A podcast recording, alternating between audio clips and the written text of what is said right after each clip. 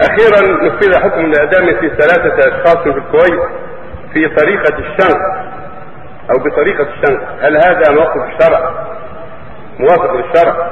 الشنق يعني. الذي يظهر أن الذي ينبغي بالإعدام ما هو الاسهل النبي صلى الله عليه وسلم قال إذا قتلتم فاحسنوا القتلة والذي بلغنا ان الشنق غير طيب وأنه فيه تعذيب فلا فلا ينبغي الشنق بل ينبغي هذا هذا تاسم بأعداء الله بل ينبغي يقتل بالسيف لأن قصة السيف بيد الرجل العارف والسيف جيد يريح أكثر وينهي الموضوع بسرعة. فلا ينبغي أن يقتل بالشنق أبدا.